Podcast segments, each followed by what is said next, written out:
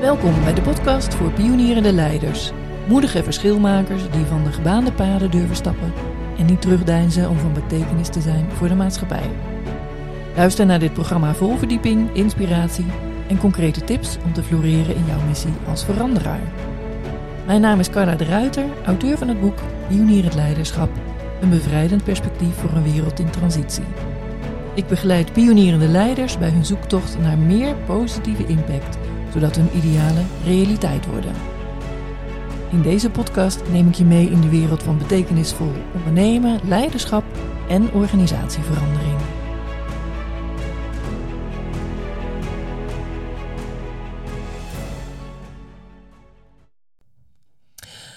Vandaag in deze podcast heb ik Johan Stegeman te gast. Johan is ervaringsdeskundige, acteur, schrijver, gastspreker. Nou, een hele rits is het en systemisch opsteller. Welkom. Dankjewel. Ja, een hele rits wat ik zo aan het oplezen ben. En uh, wij kwamen een tijdje geleden met elkaar in aanraking en uh, ik heb jouw boek gelezen. Het waait wel weer over. Hele mooie titel. En ik ben een enorme lezer, maar het gebeurt mij niet zo vaak dat ik een boek in één avond uitlees. En dat was wel het geval met jouw boek. Dankjewel. Want dit gaat over jouw leven, over in ieder geval een, een deel van jouw leven, jouw levensverhaal. In het leven met jouw psychoses die jij hebt gehad. En daar gaan we het vanmiddag over hebben. En jouw pionierschap op dat gebied. En uh, nou, je hebt nog veel meer uh, interessante dingen aan ons te vertellen.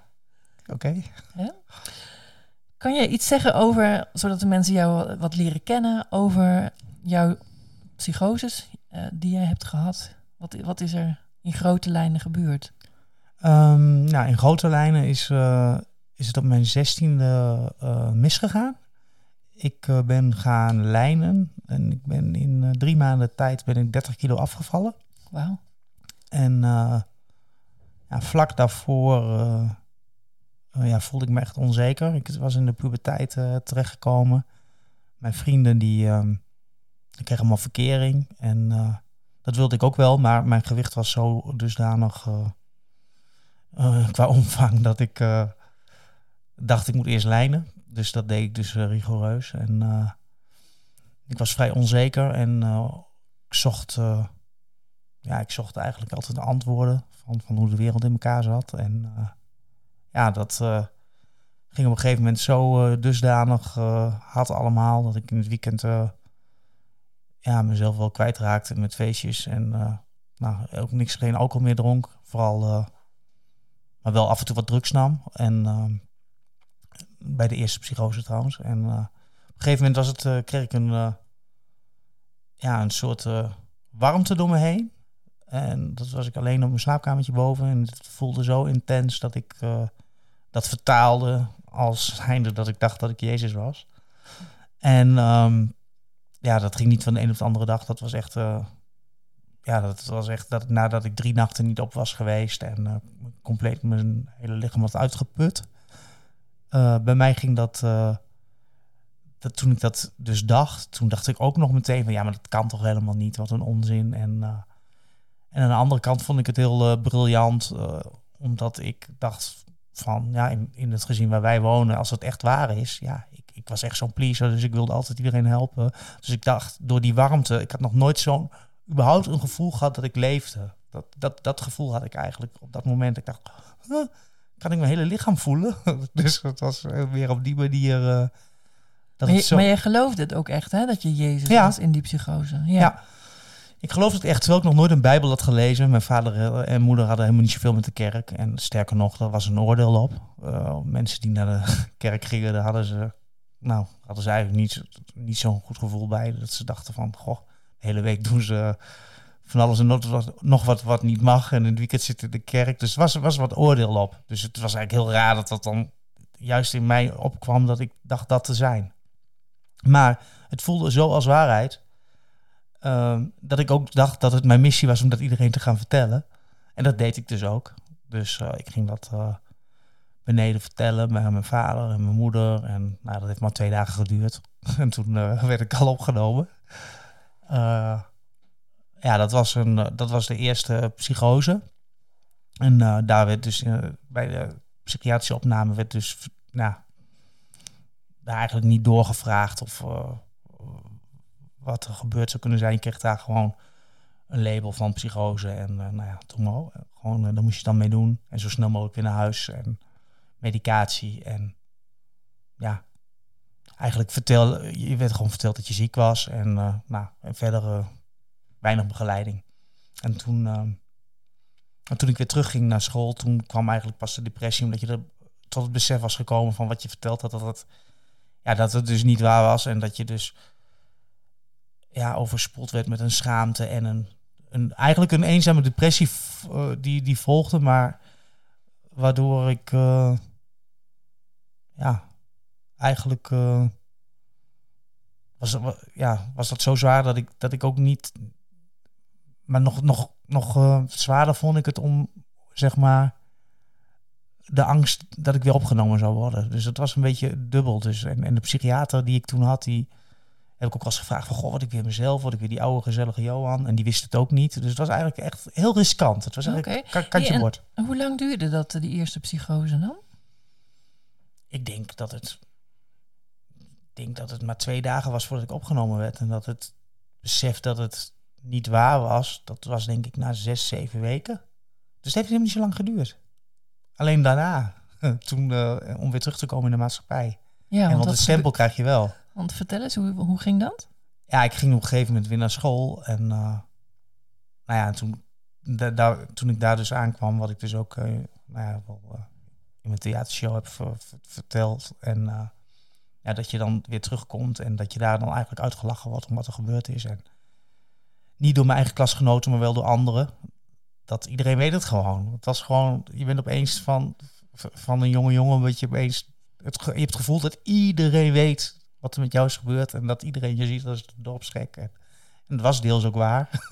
dus dat, dat, maakt het extra uh, zwaar. En, maar mijn vrienden en familie, die bleven mij altijd steunen. En uh, ja, dat is eigenlijk wel de redding geweest. Dat je, ze begrepen me niet, maar ze bleven wel in, in het midden, zeg maar. Ze bleven wel, wel bij me. Dus uh, ja, dat was het. ja, en dat was dus die eerste keer. Dat en, was die eerste keer. En die tweede keer? Die tweede keer, dat is veel, dat is nu 17 jaar geleden alweer. Dus uh, moet je nagaan, die tweede keer was net na mijn coming out. Want, want, dat zat er eigenlijk altijd al aan te grondslag. Dus, dus dat, dat, dat, was, daar was eigenlijk wel een oordeel op in de achterhoek. Ja, want jij vertelde pas heel laat aan je omgeving dat je op mannen viel. Ja, op mijn 29ste was dat. Ja. Dat ik dat uh, toen vertelde aan één vriendin. En die zei van, nou, nou heb je dit trein in werking gezet, dus nou moet je het iedereen maar vertellen.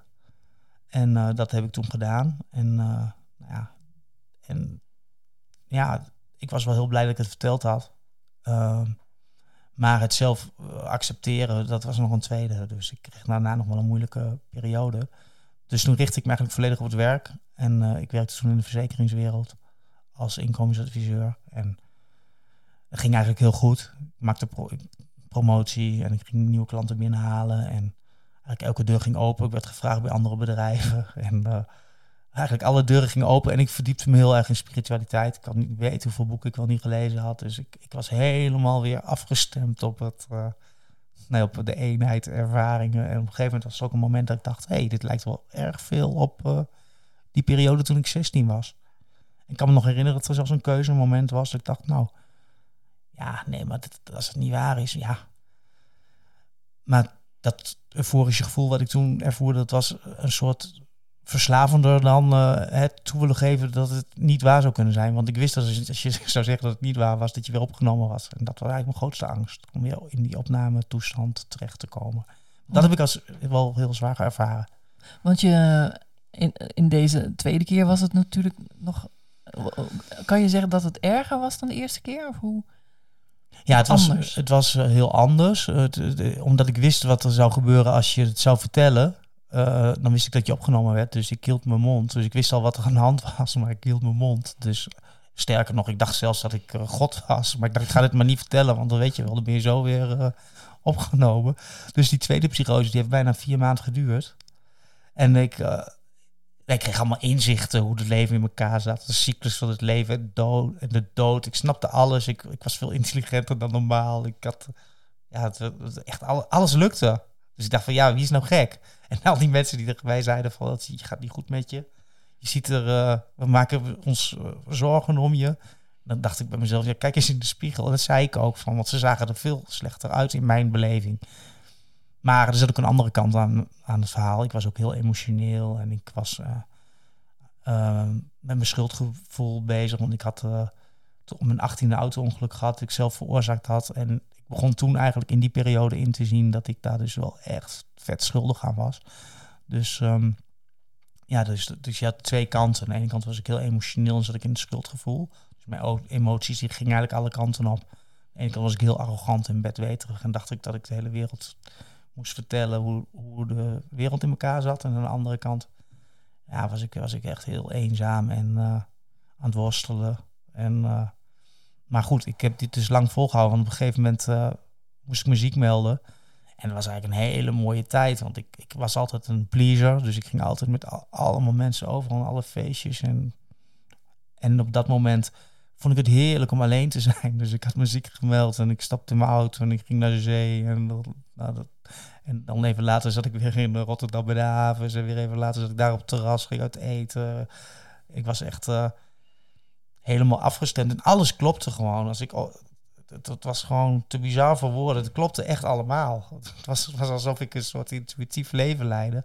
Maar ik moest, ik, ik was een beetje, ik ging dan s'avonds dat allemaal weer vertellen bij uh, vrienden, verslag doen. Maar niemand zat op mijn verhalen te wachten. Dus het werd steeds, het werd steeds groter, uh, groter verschil van, uh, van waarheden naast elkaar. En toch um, ja, zijn er toch wat dingen in, in die periode geweest die me nog steeds dagelijks helpen. Dus dat is het rare aan. Er zit dus een, uh, ik zie het eigenlijk, het, het zieke deel, zoals ik er tegenaan kijk, is dus echt het deel dat ik dus als enige dacht die God te zijn. En dat zie ik dus echt als een ontploft ego of iets in die trant. Wat, wat het gevaarlijke eraan was en wat ik ook, wat ik ook, waar ik ook echt voor geholpen moest worden. Ja, want hoe ben je geholpen uiteindelijk? Op, nou, op een gegeven moment uh, was ik uh, uh, dusdanig vreemd aan het doen. en uh, dat, het, dat, ik, ja, dat er gewoon geen land meer met mij te bezeilen was eigenlijk. Omdat ik steeds overtuigender was van het uitleggen hoe, de, hoe je moest leven. Dat je vanuit liefde moest leven, niet vanuit angst. Maar niemand zat erop te wachten op dat soort ongevraagde adviezen van mij. En ik dacht gewoon van ja, als je mij gelooft, dan geloof je in God. Ja, dus doe niet zo moeilijk. Nou, heel, heel raar is het hoor. Als je het zo ja. wel vertelt, dan denk ik ook, het lijkt wel een sprookje. Maar... En jij beschreef in je boek zo heel, ja, je kan heel beeldend vertellen en dus ook beeldend schrijven. En jij hebt daar een stukje geschreven over knuffel, een zak, een vuilniszak vol met knuffels die je meenam naar je werk. Want je vond dat iedereen een knuffel nodig had.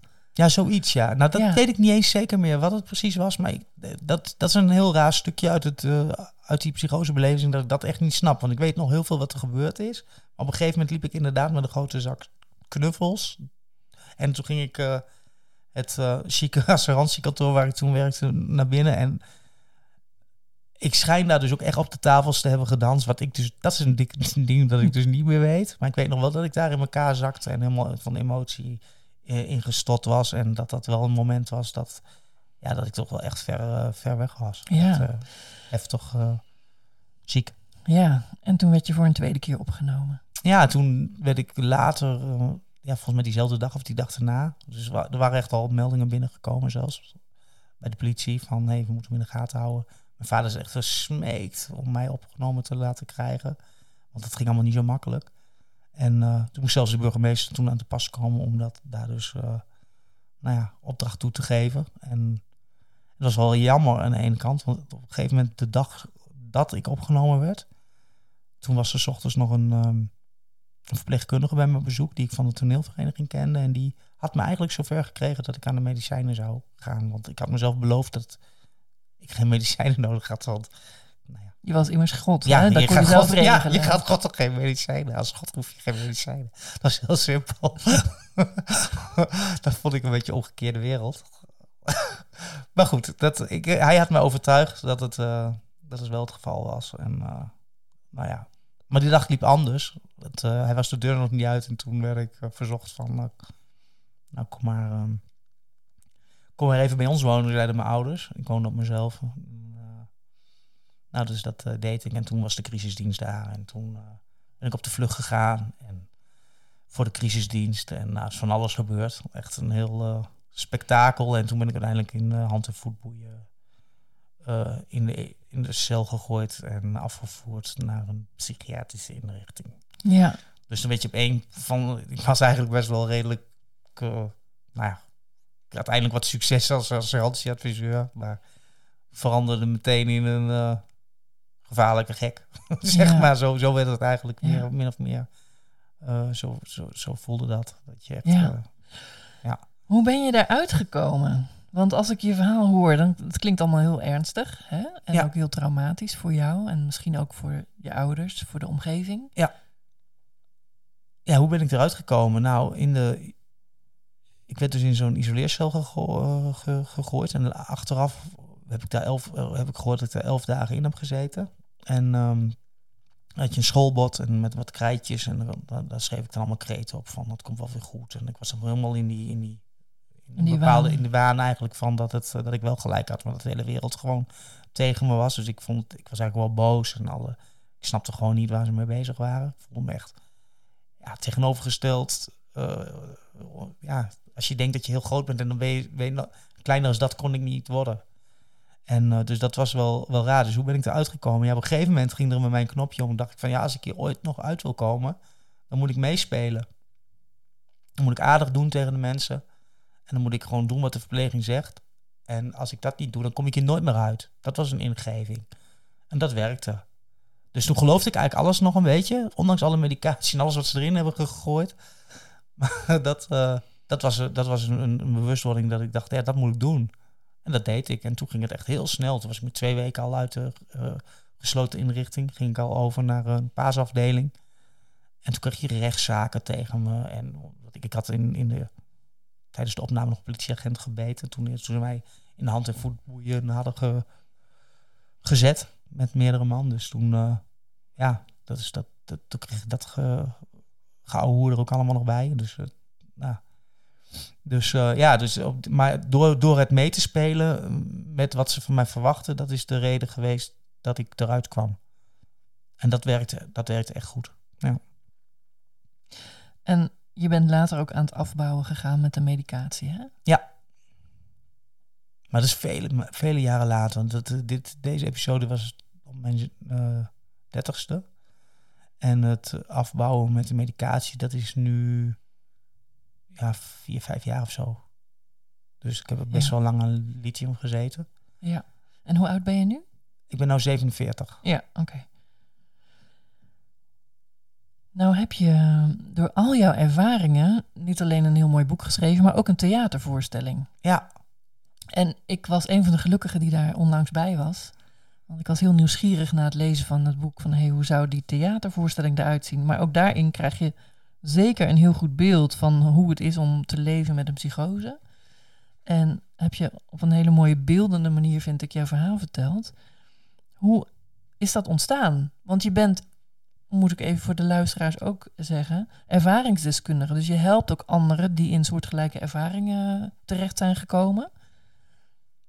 Ja, hoe is het tot stand gekomen? Ik had af en toe eh, gaf ik lezingen over mijn eh, psychotische periode. Ook omdat er nou, heel veel, toch wel niet heel veel mensen zijn die daar heel makkelijk over praten. En ik vind het nog wel makkelijk, omdat het wel redelijk verwerkt is. Alleen ik merkte toch wel wat energieverlies als ik het verteld had. En dat vond ik jammer. Want ik vind het gewoon leuk om met mensen te praten. En dus eh, ehm, op een gegeven moment... eh, toen heb ik, heb ik contact opgenomen met mijn oude dramadocent. Van, goh, wil je me eens helpen met eh, ehm, ja, hoe ik wat minder energieverlies overhoud aan het vertellen van mijn levensverhaal. Ja, zegt ze, dat kan ik niet, want eh, ik ben drama, theatermaker. Dus, eh, maar ik wil je wel helpen. Ik wil wel kijken wat we kunnen doen. Misschien kunnen we iets met een monoloog maken. En ik dacht, nou ja, dat is allemaal prima. Ik dacht, maar ik wil niet te veel deadlines hebben. En dus, eh, dus ben ik daarheen gegaan en toen zijn we in gesprek gegaan. En toen zegt ze de eerste keer van, nou, vertel maar wat je, wat je normaal vertelt als je een lezing geeft. Dus ik eh, vertelde mijn verhaal. Toen was ik mijn hele ongeluk vergeten. Dus dat, dat kwam er al uit. Dus terwijl ik gewoon ook kamp met wat fysieke beperkingen als gevolg van een auto-ongeluk. Dus die was ik al helemaal vergeten. Dus we zijn gewoon van, van het begin af aan met elkaar in proces gegaan. En in die gedachte van dat we daar wat van zouden maken.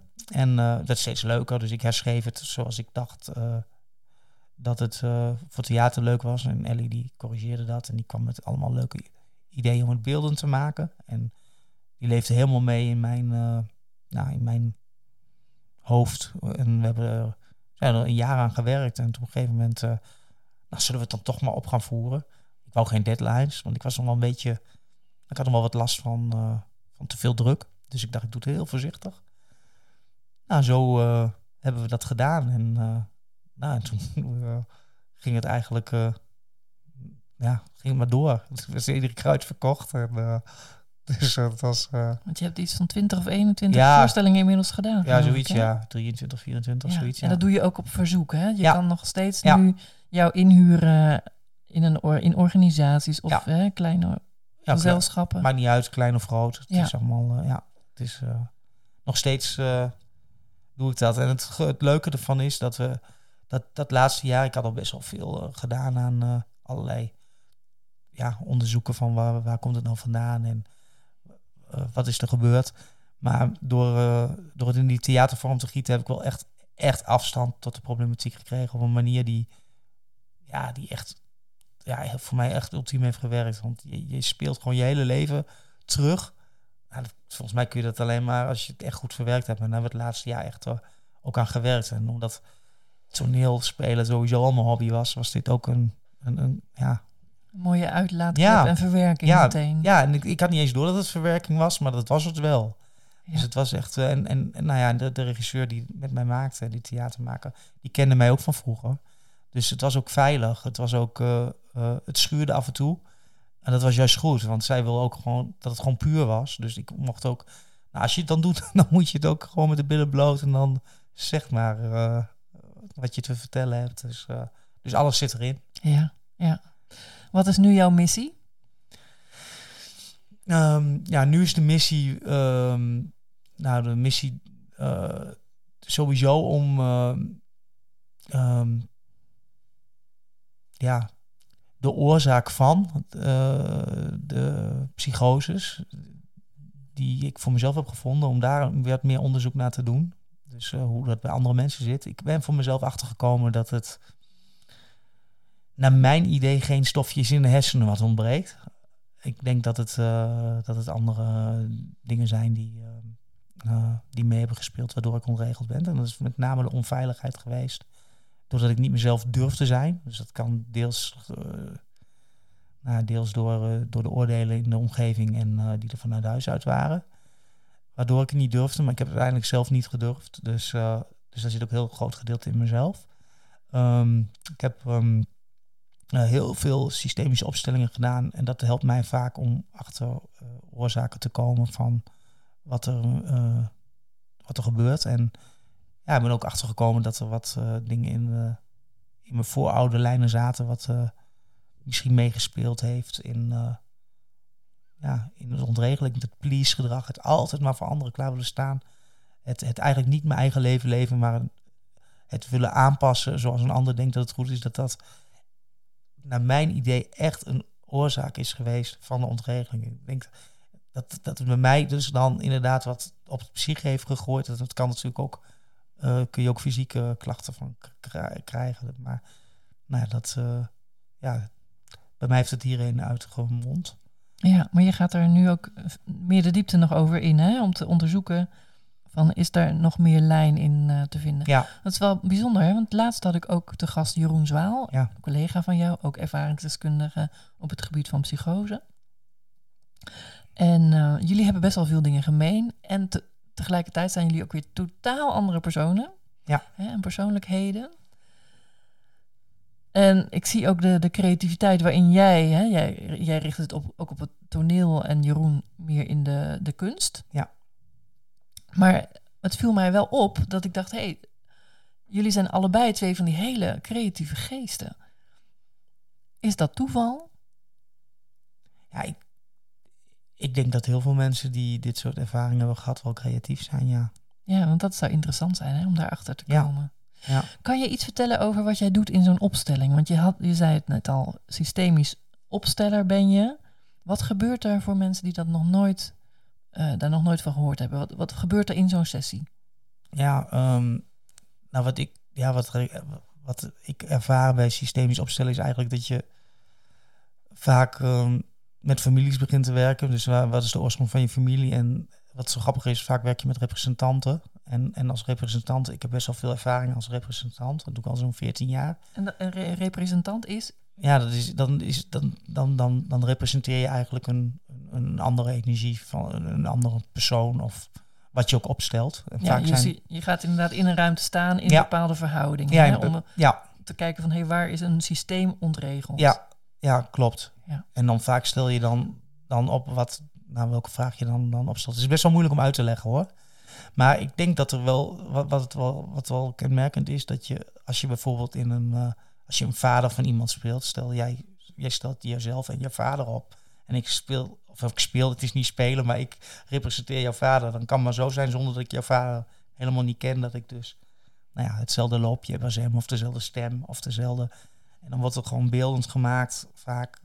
Ja, er komen gewoon soms antwoorden die beeldend gemaakt zijn die als het ware vaak bevestigen wat je in je hoofd soms al weet. Of gewoon soms nieuwe inzichten. En daar heb ik, uh, ja, dan ben ik achter heel veel dingen gekomen. Echt, uh, eerst voor mezelf. Dus echt, echt het hele. Ik kan bijna geen vraag bedenken die niet beantwoord is uh, geworden door dat systemisch opstellen. Um, een voorbeeldje te geven. Ik kwam erachter dat ik oud-tantes heb opgesteld die doodgezwegen waren. Ik heb ooit één oud-tante gehad die zelf vroeger in de psychiatrische inrichting is opgenomen geweest, die doodgezwegen werd. En die hebben we dus opgesteld. En daar ben ik dus mee in gesprek gegaan tijdens zo'n uh, grote opstelling. Ja. En uh, dat is zo, zo magisch, dat kan ik niet verklaren. Is, dat, dat, maar dat is, dat is echt gebeurd. En dat was voor mij zo fijn. Dat je daar dus ja, wat, wat, ja, wat verheldering kreeg. En ook, ook, ook heel mooi dat ik dus voor diezelfde instelling mijn toneelstuk heb mogen uh, opvoeren. Het was net alsof het balletje rond was. We zijn op dezelfde plek opgenomen geweest. En het was echt zoiets van, wow, wat, wat gaaf dat het nou kan. Dat de tijd er nu rijp voor is dat, dat er steeds meer psychologen en, en dat er steeds meer mensen met systemische uh, familieopstellingen bezig zijn. En dat het, dat het gewoon onderdeel aan het worden is van, uh, van het aanbod. Van de behandelingen. Van de behandelingen. Ja, en met name de behandeling dus bij psychoses of ja. psychose Ja, dat begint. Ja, terwijl ja. een aantal jaren geleden was, was het nog was het zo dat juist mensen met psychoses die moesten die mochten niet behandeld worden. Of dat was, dat was die, die uh, of wist het ook weer, Van den Berg heeft dat toen onderzocht. Ik weet het niet. Oké, ik las heel uh, ja, het was niet toevallig, maar ik las een stuk over een Deense methode Waar, uh, en ik weet niet meer precies de naam, maar wat er gebeurt in die methode is dat op het moment dat iemand in een psychose raakt, dan zijn er twee behandelaars die bij jou thuiskomen en al jouw familie, netwerk, zeg maar, uitnodigen om daarbij aanwezig te zijn. En dat doen ze soms twee weken lang, elke dag. Net zolang tot er een, een verandering plaatsvindt. En die gaan dus ook uit van een geheel systeem dat het, op het moment dat je in een psychose bent, dat, dat je de verbinding kwijtraakt. Dus die verbinding kun je dan alleen maar herstellen door weer in contact te zijn met al jouw, hè, jouw warme contacten. Ja. En familie enzovoort. Partner, alles, ja, hè, alles wat daarbij betrokken is. En ik vond daar een mooie parallel in, want dat schijnt ook een heel goed werkende methode te zijn. Ja, open dialogue. Dat was het, ja. Ja, dank ja, ja. ja, die is heel erg mooi. Vind ik ook heel mooi. Die was toen ik nog in het uh, team werkte, psychose-team van uh, instellingen in Apeldoorn. Toen werd dat ook, wouden ze dat ook gaan introduceren uh, binnen die uh, instelling. En het was in, ergens in, volgens mij in Limburg of zo. Ja, klopt, Limburg. Is het al uitgevoerd, alleen ja. ja. op de een of andere manier had het met financiering te maken dat dat nog niet van de grond, nog niet gesubsidieerd werd door de overheid. Volgens mij werd het tegengehouden, maar goed, los daarvan. Uh, ja, dat is een fantastische methode, denk ik. En bewezen, volgens mij is een Deense methode en bewezen effectief. Ja. En uh, ja, dat, daar, gaat het naar me, daar gaat het volgens mij echt om, gelijkwaardigheid. Want als je, dat, dat vind ik het, het grootste trauma aan het hele verhaal. Dat je, hoe, hoe, hoe je in de war ook bent, je merkt dus echt dat je niet gelijkwaardig behandeld wordt. Je voelt het gewoon aan. En, uh, en, en dat kunnen de hulpverleners vaak ook niet alles aan doen, want zoals het in het verleden was dan. Want ja, je hebt geleerd van, uh, zo staat het in de, zo, dat hebben we geleerd en zo moeten we die, die mensen behandelen. Ja. Want zij zijn ziek en uh, ja, steeds meer wordt daarvan teruggekomen van nee. Uh, Eigenlijk moet je dus zeggen, het is een maatschappelijke ziekte of een maatschappelijke ontregeling. Ja, misschien wel. En die moet je dan ook aanpakken in dat hele systeem. Mooi. Ja, denk het ook. Ja. ja. Daar ligt dus nog heel wat pionierend werk. Ja, en er zijn ook wel heel, tegelijkertijd zijn er ook heel veel mensen mee bezig. Je hebt natuurlijk ontzettend veel mensen die hiermee bezig zijn, die daar ook echt in gestudeerd hebben. Ja, hoe reageert de GGZ op deze methode? Ja, ik denk dat er een heleboel GGZ-instellingen daar best wel vooruitstrevend mee bezig zijn al. En dat er ook nog een aantal dat nog wel wat moeite mee hebben. Omdat het niet te verklaren is. En omdat het, uh, dus ja, dat, maar ik ben wel positief gestemd. Ja, nou, ik ben ook heel blij dat je daar een uh, actieve rol in hebt, hebt ingenomen. Om die vernieuwing nog wat meer aan te jagen. Ja, ik wil het vooral, vooral vanuit. Ik ben nog niet. Ik ben nu niet aan een instelling verbonden, dus ik doe het nu gewoon op mijn manier. En uh, ik ben dat wel geweest. Dus, uh, maar ik wil graag. Maar ik ben wel actief bezig met het schrijven van mijn tweede boek, waarin ik dus sowieso mijn eigen ervaringen. van hoe ik uit die psychiatrie ge, ge, ben, zeg maar. Want ik identificeer me dus ook niet meer met het hebben van een psychiatrische aandoening. En dat is wel een beetje tricky om te zeggen, want dat zegt bijna niemand. Maar dat, ik doe het niet meer. En met, met het moment dat ik daarmee gestopt ben, gaat het eigenlijk goed. Niet zo goed dat ik niet een beetje op de grond hou. Maar ik, ik voel hem gewoon niet meer. Ik denk van ja, als ik het me blijf voeden, dan, ja, dan blijf ik mezelf in een slachtofferpositie uh, neerzetten. Ja, want over het algemeen wordt er gezegd, eenmaal een psychose, dan ben je voor de rest van je leven gevoelig daarvoor. Ja, psychose gevoelig zeggen ze. Ja. Nou, en ik, ik, ik weet niet of dat zo is als je het 17 jaar geleden is. Dan denk ik van ja, waarom zou ik dan nu nog psychose gevoelig zijn? Ja. Ik weet wel dat ik heel erg gevoelig ben. Dus, maar... Ja, maar je hebt sindsdien natuurlijk is jouw leven op een hele andere manier ingevuld en Ja. heb je een hele andere draai eraan gegeven. Hè? Ja. Meer structuur, Ja, meer samenhang misschien ook Ja. in, de- in je omgeving. ja. Nou ja, dat heeft wel heel veel, heel, ja, zeg maar, mijn relatie met mijn huidige partner heeft er heel, heel positief aan bijgedragen. Dus die mij dus ook niet veroordeelde en nou, mij ook wel wees op mijn rare eh, gedrag dat ik altijd maar met anderen bezig was. En dus daar heb ik eh, heel veel spiegels gekregen. We hebben, eh, ja, van, eh, van waar het nou, ja, hoe je wat rustiger kunt leven. Ehm, ja, toch die structuur en eh, die burn-out heeft er ook wel bij geholpen. Van, goh, wat is het nou eigenlijk? eh, hoe komt het nou dat je iedere keer in die valkuilen terechtkomt? In mijn huisarts zelfs. En ook door, door uit die specialistische GGZ te gaan, heeft me enorm geholpen. Want daar werd ik eigenlijk ziek gehouden. Want toen ik in die burn-out eh, terecht kwam. En op een gegeven moment, nadat ik mijn boek had geschreven, had ik even een wat moeilijkere periode. En toen was het een beetje druk geweest, want ik had wat, nou, was in mijn netwerk had ik wat succes. En nou ja, en eh, op een gegeven moment merkte ik dat ik wat minder goed ging slapen. En toen, eh, ja, toen eh, probeerde ik dus contact op te nemen met, met mijn behandelaar. En die zei van, oh, die kon ik in eerste instantie helemaal niet te pakken krijgen. En op een gegeven moment zei mijn vriend van, nou ga dan naar de huisarts, die kunnen ook medicijnen voorschrijven. Jij weet toch dat je medicijnen nodig hebt? Ik zeg, nou, ik heb in ieder geval twee, drie dagen slaapmedicatie nodig. Nou, zo gezegd, zo gedaan. Dus ik naar de huisarts gebeld. Want ik had, ik had echt zelfs midden in de nacht mailtjes gestuurd naar mijn behandelaar. Niemand reageerde daarop. Want ze waren weer op vakantie. En niemand anders kende mijn dossier op dat moment. Terwijl ik dat dus volgens de richtlijnen wel echt met een hele ernstige psychiatrische stoornis in hun ogen te maken had. Dus ik snapte dat niet. Of ze mij nou overschatten of onderschatten. Maar goed, er was iets wat niet klopte. En eh, toen zei mijn huisarts van... eh, nou, wat heb je nodig? Ik zeg, nou dat. Dan krijg je dat. Dan bel ik je over een week weer. Dus toen ging ik terug naar de psychiater. En, en die zei van, oh, maar ja, nu ben je al zo lang aan de lithium. Ik denk dat je nu toch ook maar eh, antidepressieven erbij moet gaan slikken. Want dat zie je wel vaker als mensen zo lang aan de lithium zijn. En dan, dan eh, ja, zou ik je dat adviseren. Nou, en toen dacht ik echt van, nee, nee, dit doen we niet meer. Dus toen ben ik... dus eigenlijk doordat ik op dat moment niet helemaal gehoord werd zoals ik zou gehoord zou willen zijn, daardoor heb ik eigenlijk de stap kunnen zetten. Om helemaal de, uit die GGZ-wereld te gaan stappen, stap voor stap. Dus toen kwam ik via de huisarts, eh, die had mijn boek gelezen en die zei van je hebt iedere keer van die hoge pieken en diepe dalen. En die zei van ik, adviseer je om eh, in therapie te gaan. Ik zeg in therapie? Ik heb nooit therapie gehad. Ja, zes dagen psycho-educatie.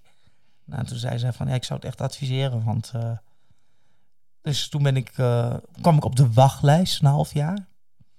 Voor, ehm, ehm, ja, voor de, voor de, eh, hoe heet het, de basis GGZ. En ik was eigenlijk best wel een beetje somber, want, want ik, ik, ik was gestopt met het leuren van, de, van het hele verhaal. Ik was niet, niet depressief, maar ik was wel somber. En toen, ehm, ook wel goed somber. En toen kwam ik eh, terecht bij een energetisch therapeut. En eh, in die tussentijd dat ik moest wachten en was nou, toen, vanaf dat moment had ik na één sessie had ik al meer levenslust.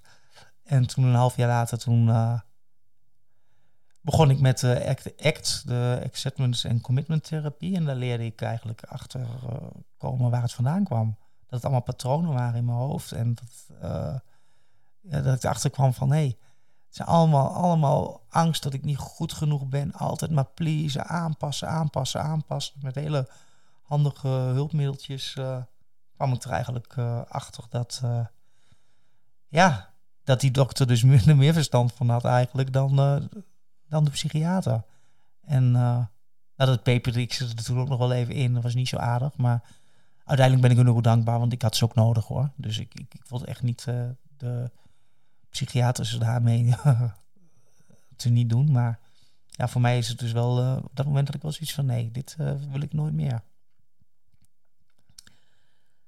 Mooi dat je dat op die manier zelf hè, weer hebt uitgevonden. Ik wil even een overstapje maken naar de pionierstest. De pionierstest. Hoe scoor jij de 21 kenmerken van een pionierend leider? Ontdek jouw leidende rol in een wereld in transitie. Want daarin, ja, die heb jij ook ingevuld. De pionier, pionierstest vind je op de website www.pionierendleiderschap.nl. Om te kijken welke eigenschappen, welke kwaliteiten heb jij als pionier. En daar vallen best een paar dingen op uh, in jouw profiel. Creativiteit, die springt eruit. kan Ja. Je, ja, herkenbaar? Ja, dat herken ik wel, ja. Dat is echt wel, echt wel, ja, een kernwaarde dat ik, dat ik dan eh, het lekkerst voel als ik daarin eh, kan uiten. Was je, was je als kind ook al heel creatief? Oh, als kind. Nou, als kind weet ik eigenlijk niet zo goed. Ik denk dat ik, dat ik altijd probeerde om de clown te zijn en iedereen aan het lachen te maken. Daarin was ik creatief. Om aandacht te krijgen, dat wel. En dat klopt natuurlijk wel weer met toneel. Ja, precies. Dat, dan is een, dramaopleiding of een toneelopleiding natuurlijk heel erg eh, voor de hand liggend. Nou, die heb ik niet gedaan. Nee, maar je hebt het wel, je hebt wel een, bij Ja. een toneelvereniging gezeten. Ja, altijd. Ja. Ja, ja, ja. ja. Zelfreflectief vermogen scoor je ook hoog op. ja. Komt dat door de therapieën? Heb je dat ontwikkeld? N- Nee, dat komt niet door de therapie. Dat komt eigenlijk door de opleiding ervaringsdeskundigheid die ik heb gedaan. Want ik kon eigenlijk helemaal niet reflecteren. Ik wees alleen maar naar anderen. Iedereen was schuld, behalve ik. En op die opleiding heb ik... eh, nou, heb ik echt, heb ik echt zo met de billen bloot. Dan werd, echt, dan werd je echt niet getolereerd als je niet naar je eigen aandeel keek. Want dat, dat heb je ook nodig om, om een, een voorbeeld te kunnen zijn voor een ander. En dat, eh, dus dat heb ik daar echt geleerd. En, en dat, dat zit toch wel in me dat ik dat, dat ook wel durf. Om dan wel eerlijk naar mezelf te kijken. Dus ik zie ook echt alles wat ik heb, wat ik heb overkomen, zie ik ook echt als dat het goed is, dat het is gebeurd. Want het hoort bij mijn pad. En ik heb ervan geleerd. En ik ben ook dankbaar dat ik daar dus nu wat mee kan doen. Het klopt, het klopt gewoon. Ja. Ik ga er ook niet zielig over doen. Het is gewoon mooi dat het gebeurd is. Uit de comfortzone gaan. Hoe, hoe is dat voor jou? Eh, dat was heel lang moeilijk, maar dat ben ik nou helemaal op losgeslagen. Maakt me niet zoveel meer uit. Ja, het is wel heel grappig, want je hebt daar inderdaad een, een, een zeer vaardige uitslag op. Ja, Uit je comfortzone. Heel veel mensen vinden dat natuurlijk heel spannend. ja. Hè, want je wijkt van de gebaande paden af. Maar alle pioniers die dit invullen, scoren daar heel erg hoog op. Net als jij. ja. En dat komt alleen maar van pas. Ja, dat komt wel van pas. Want juist omdat, ja, want ik, ik, ja, ik had ook natuurlijk, omdat het allemaal wel zo aan publiek was, eh, ja, denk ik ook van, het is toch gebeurd. Ik kon er toch niet omheen. Dus dan kan ik het toch maar beter gebruiken. En dan help je er toch ook een ander nog weer mee. En niet dat dat de hoofdmoot is. Vroeger dacht ik alleen maar aan die ander. Nu vind ik het ook gewoon leuk. Ik, vind het gewoon, ik zie het gewoon, ik speel mijn verleden terug als ik op het podium sta. En als ik mijn verhalen, ook met mijn boeken, wat ik schrijf ik ook, wil ik echt zeldzaam openhartig vaak. Maar ja, dan denk ik ook van, ja, delen is helen. En, en, en weet je, ik eet er geen boterham minder om als ze het weten. En maakt me ook niet zoveel meer uit wat ze van me denken. Wat vroeger mijn grootste angst was. Ja. Dus, Ja. ja. Nou heb je al eerder in deze podcast net gezegd van ik had nogal last van please gedrag. En dat zien we terug in de uitslag namelijk ook bij vrij zijn van culturele conditioneringen. Dus met andere woorden, je kunt je heel erg aanpassen aan je omgeving. Hè? Dus de cultuur van hoe zijn wij gewend dat we met elkaar omgaan. Ja. En dat kan een gewoonte worden van je. Ja. Hoe ben je daarmee omgegaan en hoe doe je dat nu? Nou, dat, eh, dat, dat is altijd de hoofdmoot geweest om me aan te passen, omdat ik altijd door iedereen aardig gevonden wil worden. En dat zit er eigenlijk nog steeds wel een beetje in. Dus ik wil ook graag, ondanks andere mening, wil ik toch met iedereen kunnen blijven verbinden. En dat is de hoofdmoot, maar dat vind ik soms heel moeilijk, omdat mijn mening vaak afwijkt van, eh, van de meerderheid. Eh, en, en toch eh, lukt het me dat ik niet het gevoel heb dat ik mensen kwijt ben geraakt. Dus ergens ben ik wel echt een, ja, toch wel verbindend. Dat mensen toch wel veel van me accepteren en dat willen en durven geloven. En als het dan een keer misgaat, daar ben ik doodsbang voor. Dat ik toch een keer mensen kwijt ga raken. En terwijl het eigenlijk helemaal niet erg is, want er komen ook weer nieuwe mensen bij. Maar daar snap ik wel dat ik daar laag op score, want daar zit nog een angst. Ja, Er zitten nog wonden en daar kom ik nog wel achter. ja Want gelukkig. ik ben echt nog lang niet klaar. Nee, precies. Gelukkig. eh, en gelukkig ben je nog een boek aan het schrijven nu. Ja, En wat echt gaat over de tocht na. Wat eigenlijk aansluit hè, op Ja. het vorige boek van hoe is het daarna gegaan. Want Ja. ik, ik kijk er al nu naar uit. Want het is natuurlijk. Je hebt het heel spannend geschreven en heel erg openhartig. Komt recht uit het hart. En met enorm veel humor. Dat moet ik je ook even meegeven. Dat ik dat ook ontzettend leuk vond. En dat ik echt schaterend op de bank jouw boek heb zitten lezen. Eh, maar ook heel treffend. Want jij kan heel goed omschrijven hoe het is wat jij denkt op het moment dat er een psychose is. En eh, dus heel veel voorbeeldjes noem je ook in jouw boek over hoe het is dan om God te zijn en hoe Ja. het is om Jezus te zijn. Eh, ik vond het heel leerzaam, want ik dacht, oh, nou, nou zit ik in een wereld waar ik eigenlijk helemaal niks van weet, maar ik voelde wel dat er een, en dat is het hele bijzondere, dat er een soort verlichting door jou heen ging ja. en die is voelbaar in jouw boek. Oh, fijn om te horen. Dus die missie is geslaagd in ieder Oké. geval. Ja, dat vind ik ook wel het, het aparte daaraan. Want als ik dan, als ik dan boeken lees over eh, mensen die een bijna doodervaring hebben gehad, of mensen die, een, die het hebben over een eenheidservaring vanuit mediteren en zo. eh, ja, of, of als je in het shamanisme kijkt wat daar gebeurt, want daar ben ik ook wel in geïnteresseerd. En heeft het zoveel raakvlakken. En- Zou je kunnen zeggen dat het een spirituele ervaring is geweest? Ja, ja, dat is het wel geweest. Alleen het is zo jammer dat ik de vertaalslag eh, naar het overdreven groter heb getrokken. Maar ik denk zeker dat het een spirituele belevenis is geweest, ervaring is geweest. Ja. Ja. Ik kom het nu ook wel tegen in het, eh, als ik, eh, nou, ja, ik heb onlangs een online cursus shamanisme gedaan, zit bij drumcirkels. En dan maak ik ook heel, heel veel mooie toevallige dingen eh, mee. Eh, synchroniciteit ervaar ik weer. En dat zijn allemaal dingen die dus toen ik nog in dat team werkte als eh, dat, zeg maar in zo'n team in, in de GGZ werkt. Worden, werden toen, ik weet niet hoe het nu is, want daar kan ik niet over oordelen, werd toch al gauw gezegd van als er dat soort toevalligheden of synchroniciteiten zijn, dat werd toch al gauw weggedaan als betrekkingswaan. Terwijl Wat, wat is een betrekkingswaan? ja, dus eh, dat, dat, je, dat je dingen ziet die er niet zijn, of dat het toevalligheden zijn, of dat, dat, nou ja, weet ik veel wat, synchroniciteit of dubbele, weet ik veel, van alles wat een beetje, beetje apart is, wat, wat, wat, wat, wat niet nuchter is, zeg maar, dat wordt dan vaak weggezet als van, oh jee. En dat snap ik wel, want dat zijn vaak ook signalen dat je weer psychotisch zou kunnen worden. Maar goed, ik maak ze gelukkig nog steeds mee, allemaal synchroniciteit en toevalligheden.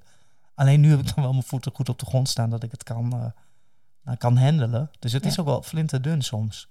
Maar Ja. maar ja, ik denk dat het leven wel wat wel een beetje op intuïtieve basis veel beter eh, te leven is dan als je alleen maar eh, vanuit een prestatieangst eh, maatschappij doet wat er van je gezegd eh, wordt. Wat eigenlijk heel eerlijk, ik weet niet, heel eerlijk vind ik de huidige maatschappij ook wel een beetje onbegrepen gedrag vertonen. Hoe mensen eh, Vertel eens. nou ja, het- is hoe, hoe mensen na- nu eh, allemaal proberen zich te identificeren met functies, met titels, met, met, met, met eh, weer een nieuwe auto, weer een nieuwe dit. En al- al- allemaal, ja, of ja, alleen maar identificeren met ze moeten op vakantie, ze moeten dit, ze moeten dat. En dan zijn ze weer gelukkig. En dan denk ik van ja,